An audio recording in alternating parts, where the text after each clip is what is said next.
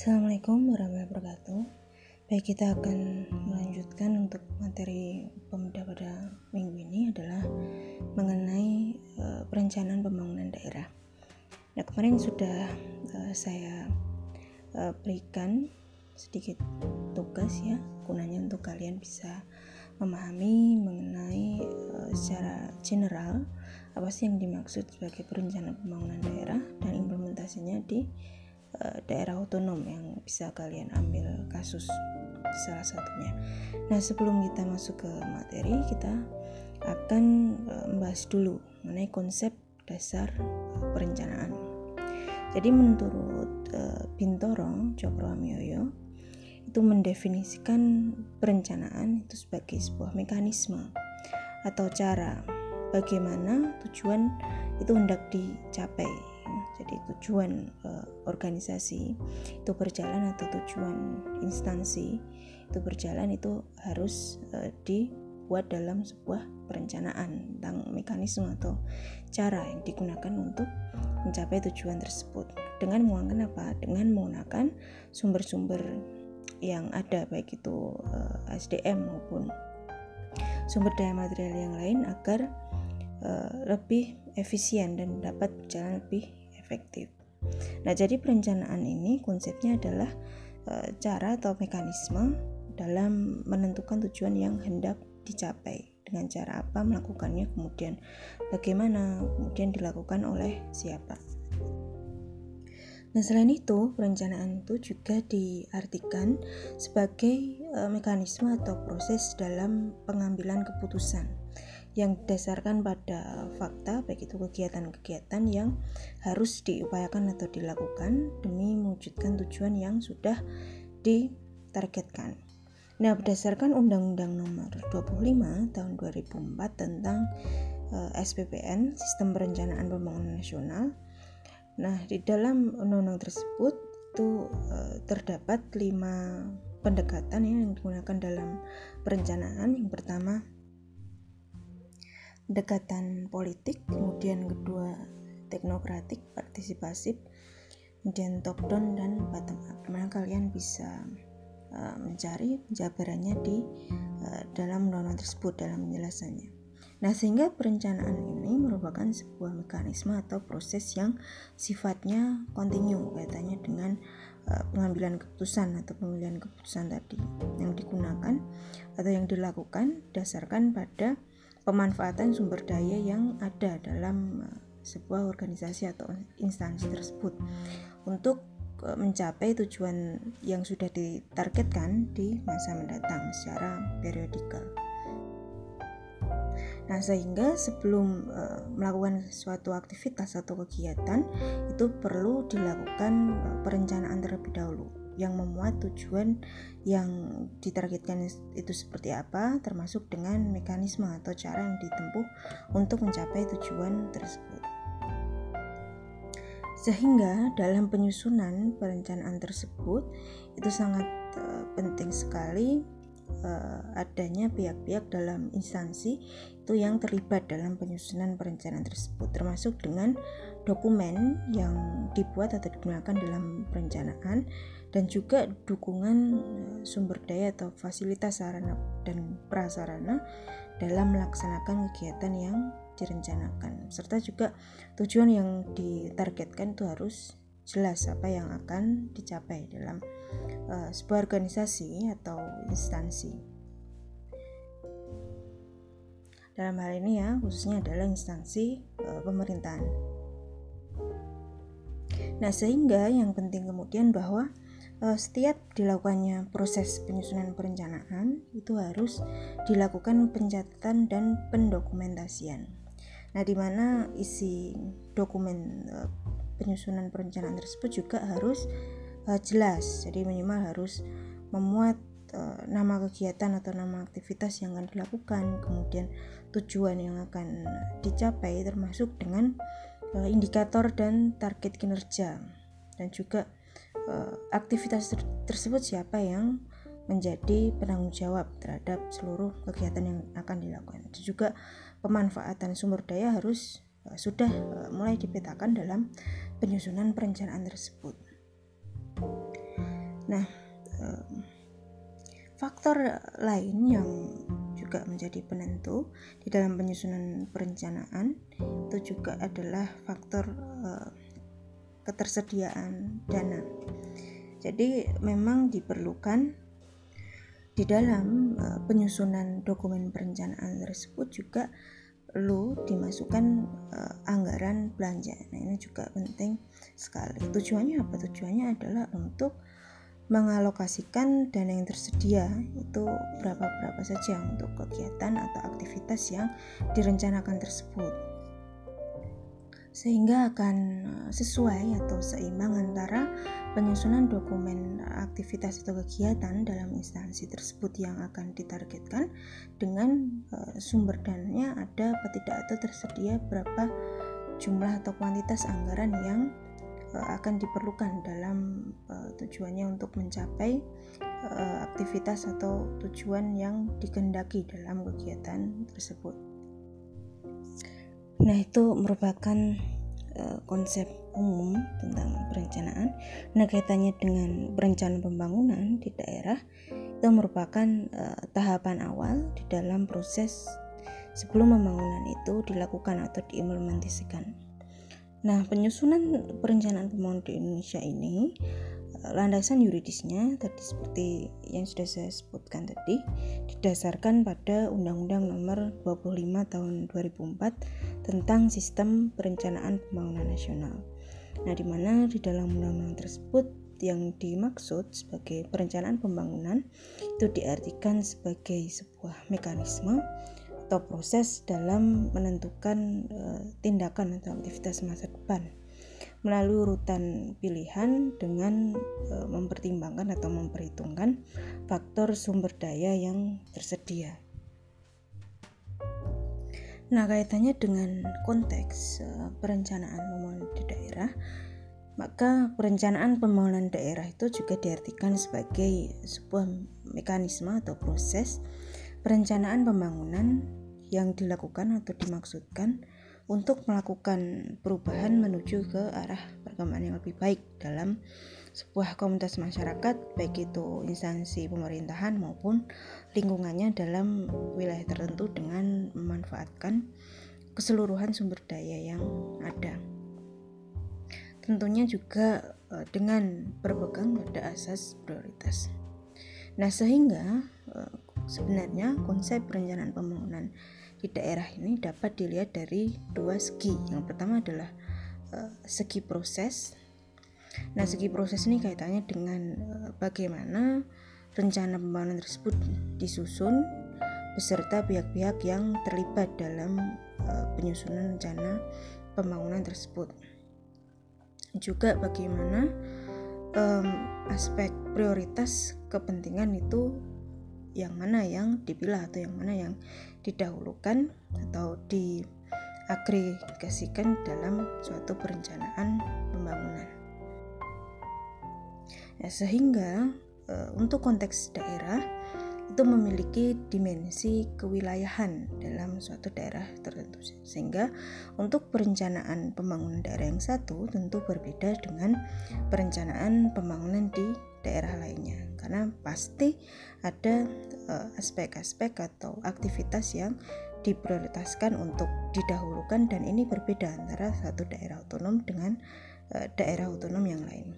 Itu yang pertama, yang pertama dari aspek prosesnya. Yang kedua adalah dari segi isi atau substansi. Jadi permasalahan apa yang uh, akan diangkat dan diagendakan di dalam penyusunan perencanaan pembangunan daerah. Jadi prioritas uh, permasalahan atau kegiatan yang akan disusun untuk uh, didahulukan yaitu uh, secara tidak langsung mencerminkan keurgensian yang dihadapi oleh uh, pemerintah daerah di suatu wilayah di dalam dalam rangka mewujudkan kesejahteraan masyarakatnya.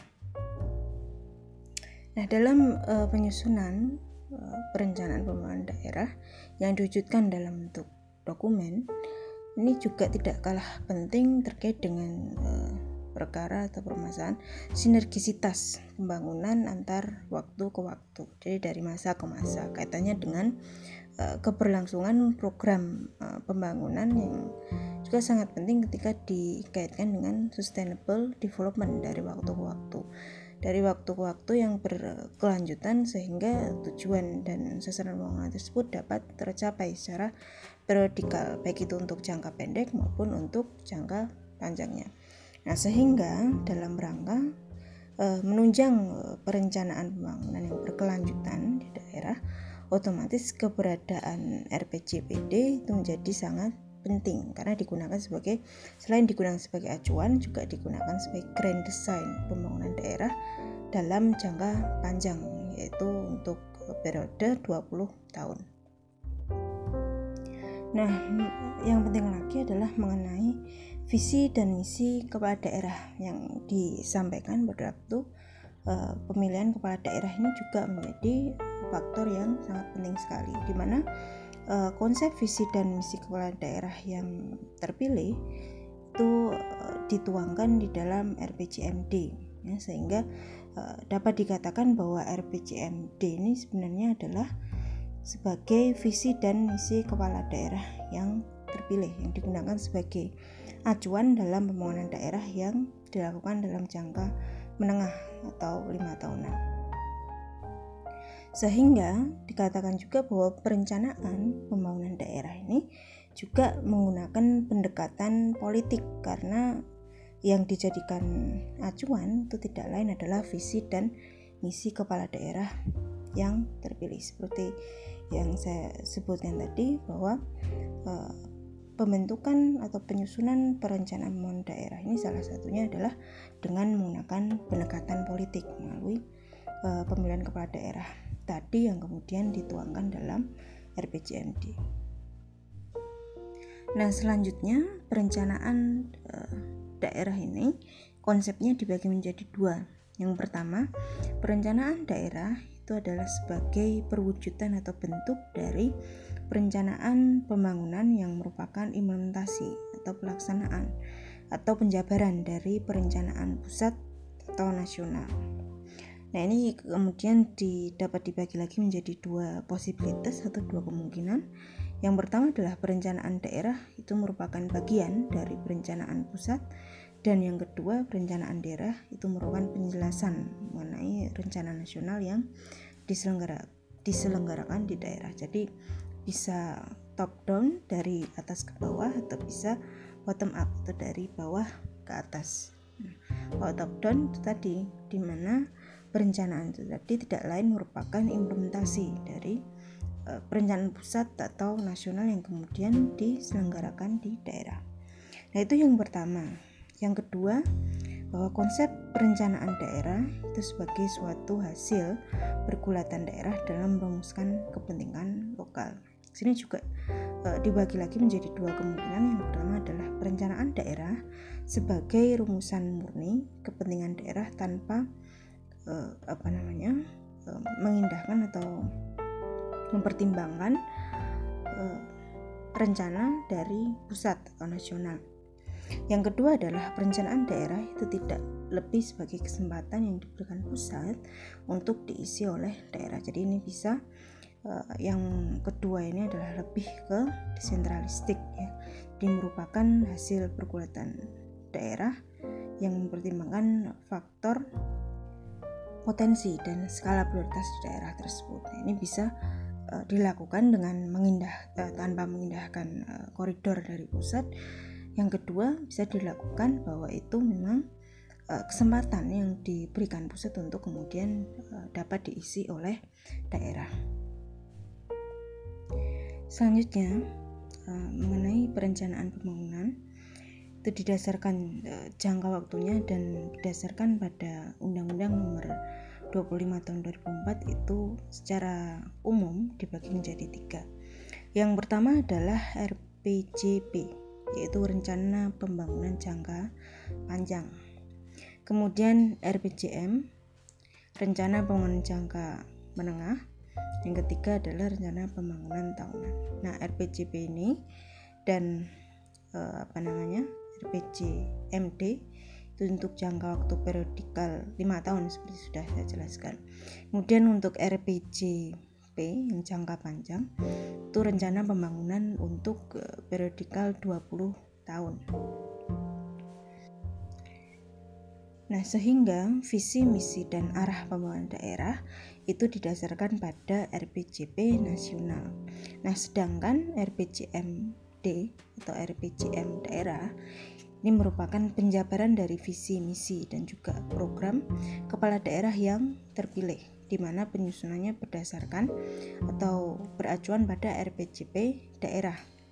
Tentunya dengan memperhatikan eh, RPJM nasional yang memuat arah uh, bagaimana kebijakan uh, dan strategi pembangunan daerah maupun kebijakan umum, kemudian program SKPD-nya bagaimana dan program uh, kewilayahan yang disertai dengan rencana rencana kerja dalam kerangka regulasi maupun kerangka pendanaan yang ada. Nah, sedangkan RKPD itu merupakan perencanaan tahunan daerah. Nah, RKPD ini merupakan penjabaran dari RPJMD. Jadi uh, eh, RPJMD yang lima tahunan tadi kemudian dijabarkan lagi melalui RKPD perencanaan yang diselenggarakan secara tahunan dengan mengacu pada RKP yang memuat apa saja? Yang memuat uh, baik itu rancangan kerangka ekonomi daerah kemudian prioritas pembangunan daerah rencana kerja dan lain sebagainya. Sehingga Eh, sebenarnya konsep perencanaan pembangunan daerah di Indonesia ini merupakan se sebagai sebuah sinergitas atau sebuah kesatuan di dalam sistem perencanaan pembangunan nasional. Ya, sehingga pembangunan yang dilakukan eh, di daerah itu sebenarnya tidak uh, terlepas dari konsep yang sudah direncanakan di dalam pembangunan pembangunan nasional. Sehingga di dalam penyusunan program pembangunan daerah pun tetap berlandaskan atau tetap beracuan pada rencana pembangunan nasional baik itu untuk jangka panjang maupun untuk jangka menengah. Nah sekarang kita akan uh, uh, apa? Saya akan menjabarkan mengenai yang sudah saya jelaskan tadi mengenai pendekatan yang dilakukan di dalam penyusunan perencanaan pembangunan daerah. Baik itu merupakan kombinasi pendekatan politik, teknokratik, partisipatif, uh, top down maupun bottom up. Nah, yang pertama adalah terkait dengan pendekatan politik. Pendekatan politik uh, sebagaimana sudah saya jelaskan tadi kaitannya dengan mekanisme pemilihan kepala daerah secara langsung oleh rakyat. Nah, jadi uh, sebelum dipilih oleh rakyat, itu masing-masing calon kepala daerah itu merumuskan visi dan misinya. Jadi antar satu calon kepala daerah dengan yang lain pasti memiliki visi dan misi yang berbeda-beda. Nah, visi dan misi tersebut kemudian dijabarkan di dalam RPJMD daerah. Dalam skala periodikal 5 tahun selama kepala daerah e, tersebut kemudian terpilih untuk e, memimpin daerahnya. Nah, tapi e, penyusunan RPJMD daerah itu tetap harus berlandaskan atau mengacu pada RPJP daerah dan juga mempertimbangkan atau memperhatikan RPJP nasional. Itu yang pendekatan politik. Yang kedua adalah pendekatan teknokratik. Itu kaitannya dengan profesionalisme dan keahlian di dalam penyusunan perencanaan pembangunan daerah. Nah, di mana penyusunan perencanaan daerah ini perlu mempertimbangkan berbagai aspek dan e, keahlian ya sehingga dapat digunakan untuk penyelesaian masalah yang dihadapi oleh daerah itu pendekatan uh, teknokratik ya. jadi dasarkan pada keahlian dan profesionalisme yang dimiliki oleh uh, jajaran-jajaran ASN yang bekerja dalam instansi pemerintahan tersebut. Yang ketiga adalah pendekatan partisipatif. Nah, ini melibatkan masyarakat ya. Jadi penyusunan uh, dokumen perencanaan itu tetap harus melibatkan masyarakat baik juga uh, dengan pemangku kepentingan atau stakeholder dalam penyusunan perencanaan pembangunan daerah. Nah, sehingga uh, sekarang itu paradigmanya sudah bergeser kalau dulu uh, masyarakat hanya dipandang sebagai objek ya tapi kalau sekarang sudah sebagai pelaku pembangunan atau subjek jadi ikut uh, pemerintah uh, apa namanya bagaimanapun harus ikut mendorong pelibatan masyarakat di dalam proses penyusunan perencanaan pembangunan mulai dari tingkat bawah desa kelurahan sampai tingkat uh, paling atas Nah, sehingga partisipasi masyarakat ketika ikut dilibatkan ini juga merupakan sebuah bentuk atau perwujudan transparansi pemerintah di dalam melaksanakan pembangunan daerah ya. Sesuai dengan uh, eh, AUPB atau asas umum pemerintahan yang baik. Nah, itu yang ketiga. Kemudian yang keempat adalah pendekatan atas bawah atau top down di dalam proses penyusunan perencanaan pembangunan daerah dengan melibatkan Bapeda dan SKPD Satuan Kinerja Perangkat Daerah. Sehingga eh, Bapeda ini fungsinya adalah sebagai unit eh, yang memiliki pertanggungjawaban untuk mengordinasikan kegiatan yang akan e, direncanakan termasuk di dalam merumuskan rancangan awal dalam e, yang kemudian diwujudkan atau dituangkan dalam rancangan rencana strategis SKPD. Kemudian rancangan awal tersebut kemudian akan dibahas di dalam kegiatan musrenbang ya. Nah, itu yang keempat, yang kelima adalah pendekatan bawah ke atas atau bottom up ini dilakukan dari bawah ke tingkat atas dimulai dari eh, pengusulan program atau proyek dari tingkat bawah baik itu desa atau kelurahan oleh masyarakat sampai tingkat atas. Nah, ini merupakan pendekatan yang dilakukan yang tujuannya adalah untuk menyerap aspirasi masyarakat yang kemudian eh, hasilnya akan dibawa ke musrenbang tingkat kecamatan. Kemudian naik ke atas ke tingkat kabupaten atau kota. Nah selanjutnya mengenai uh, dokumen rencana pembangunan daerah yang baik itu diwujudkan dalam RPJPD maupun RPJMD itu untuk persiapan penyusunannya kalian dapat lihat di peraturan menteri dalam negeri Permendagri nomor 86 tahun 2017 nah itu ada Eh, langkah-langkah dalam penyusunan awal RPJPD itu bagaimana. Jadi ada sistematika eh, bagaimana RPJPD itu kemudian disusun sebagai rancangan awal, mulai dari pendahuluan, kemudian gambaran umum kondisi daerah, kemudian permasalahan uh, maupun isu strategis daerah, visi misi daerah, kemudian arah kebijakan, maupun sasaran pokok yang akan dicapai oleh daerah.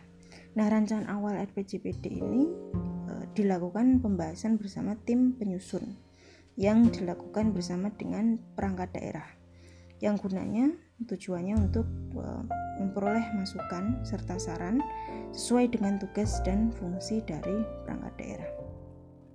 Nah, pembahasan bersama perangkat daerah ini dilakukan atau dilaksanakan paling lambat pada akhir bulan kedua sejak kerancangan awalnya disusun. Nah, kemudian disempurnakan sesuai dengan berita acara eh, kesepakatan. Nah, dalam proses eh, penyusunan rancangan awal RPJPD sebagai bentuk keterlibatan publik itu juga harus dilakukan pembahasan yang melibatkan stakeholder atau uh, pemangku kepentingan yang terkait yang kemudian diwujudkan dalam bentuk forum-forum seperti forum eh, konsultasi publik, kemudian eh, forum partisipasi yang dilakukan paling lambat eh, bulan keempat setelah rancangan awal disusun.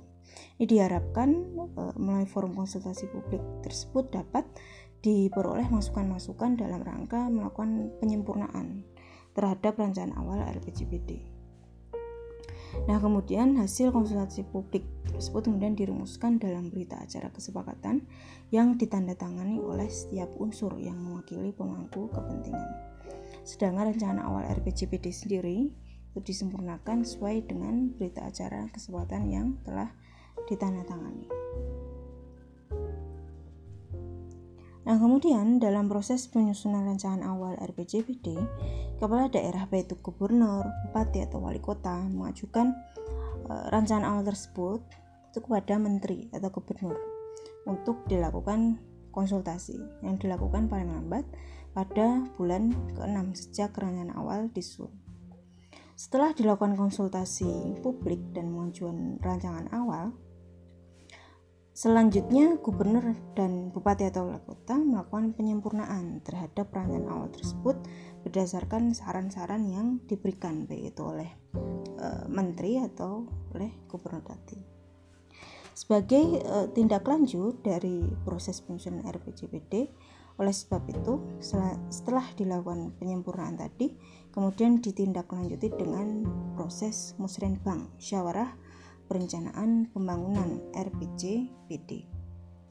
Nah, musrenbang ini merupakan wahana di dalam eh, penajaman kemudian eh, penyelarasan maupun eh, klarifikasi terhadap visi misi dan arah kebijakan dalam RPJPD. Musrenbang ini sendiri dihadiri oleh para pemangku kepentingan yang dilakukan paling lambat enam bulan sejak penyusunan rancangan awal RPJPD. Setelah musrenbang selesai, kemudian dilakukan perumusan uh, rancangan RPJWD menjadi rancangan akhir ya, berdasarkan hasil kesepakatan atau berita acara kesepakatan hasil musrenbang tadi.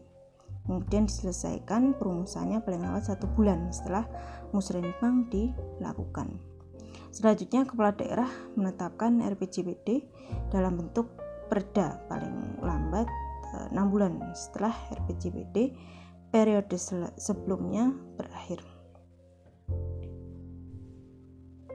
Nah, RPJPD yang sudah ditetapkan di dalam Perda itu kemudian wajib dijadikan sebagai pedoman atau acuan dalam perumusan materi baik itu visi, misi, eh, program calon kepala daerah dan wakil kepala daerah.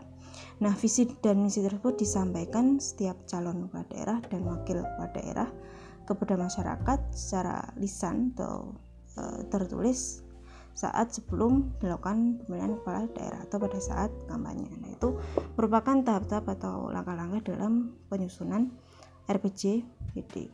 Nah, selanjutnya untuk eh, persiapan penyusunan RPJMD itu juga kalian dapat lihat di Permendagri nomor 86 tahun 2017. Hampir sama ya eh, proses atau penyusunannya kemudian uh, untuk RKPD juga sama dapat kalian uh, apa namanya uh, lihat di Permendagri nomor 86 tahun 2017 jadi diawali dengan apa namanya pembahasan bersama dengan perangkat daerah bersama tim penyusun. Kemudian kalau sudah selesai dilanjutkan lagi kepada kepala Bapeda atau perangkat daerah.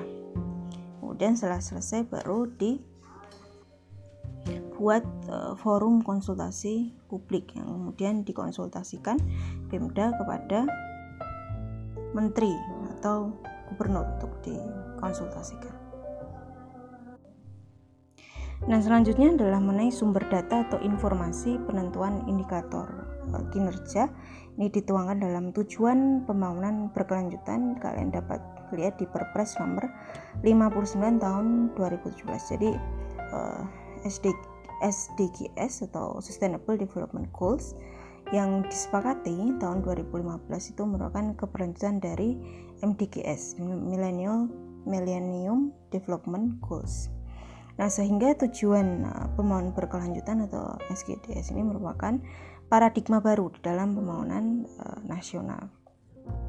Nah, pada tahun 2017 itu pemerintah menerbitkan regulasi yang menjadi acuan atau pijakan di dalam uh, pelaksanaan tujuan pembangunan berkelanjutan. Sehingga di dalam PP tersebut kemudian dapat ditentukan indikator yang dapat diintegrasikan di dalam semua dokumen perencanaan baik itu RPJM maupun indikator yang sesuai dengan karakteristik daerah masing-masing. Ini ada e, belasan tujuan SGDS. Yang pertama yaitu menghapus segala bentuk kemiskinan. Nah, ini kemudian di uh, terangkan lagi detailnya indikator-indikator apa saja kemudian keterangannya apa saja kalian dapat membuka di Perpres nomor 59 tahun 2017 kemudian indikator kedua mengakhiri kelaparan kemudian uh, mencapai ketahanan pangan peningkatan gizi uh, dan pembangunan berkelanjutan ini juga ada indikator dan keterangannya. Kemudian tujuan uh, ketiga menjamin kehidupan sehat dan meningkatkan kesejahteraan penduduk di skala usia. Nah, ini sangat eh, banyak sekali tujuan SGDS ini. Sampai pada uh, termasuk ini tujuan uh, 11 SGDS membuat kota dan pemukiman penduduk yang inklusif, aman, uh, tangguh dan berkelanjutan. Ini banyak sekali tujuan-tujuan SGDS dalam rangka menentukan informasi indikator kinerja. Nah, kemudian dalam indikator kesejahteraan sosial yang penting dan juga dilihat dari IPM-nya atau indeks pembangunan uh, manusianya. Jadi dari Human Development uh, Index. Ini ada tiga dimensi dasar yang umur IPM. Yang pertama ada umur panjang dan hidup sehat. Dan yang kedua ada pengetahuan standar hidup yang layak. Kemudian kedua ada indeks gender dan tingkat partisipasi angkatan kerja dan tingkat pengangguran uh, terbuka. Nah, indikator kinerja ini merupakan faktor yang sangat penting sekali untuk dimasukkan dalam dokumen perencanaan pembangunan terkait dengan sumber daya apa yang tersedia kemudian cara atau mekanisme di dalam mencapai tujuan tersebut tidak terkecuali dengan uh, pentingnya penganggaran masalah penganggaran masalah tersedia, tersedia dan yang ada apakah sesuai sudah sesuai dengan yang direncanakan atau belum termasuk dengan potensi dan kewilayahan yang berbeda-beda antara satu daerah otonom dengan daerah otonom yang lain. Nah, mungkin itu dulu untuk materi perkuliahan siang ini. Untuk perda dan masalahnya nanti akan saya share dalam bentuk PPT dan dapat dipelajari secara mandiri. Terima kasih, terima kasih atas partisipasi dalam dan kesempatannya untuk mendengarkan podcast saya. Saya akhiri. Assalamualaikum warahmatullahi wabarakatuh.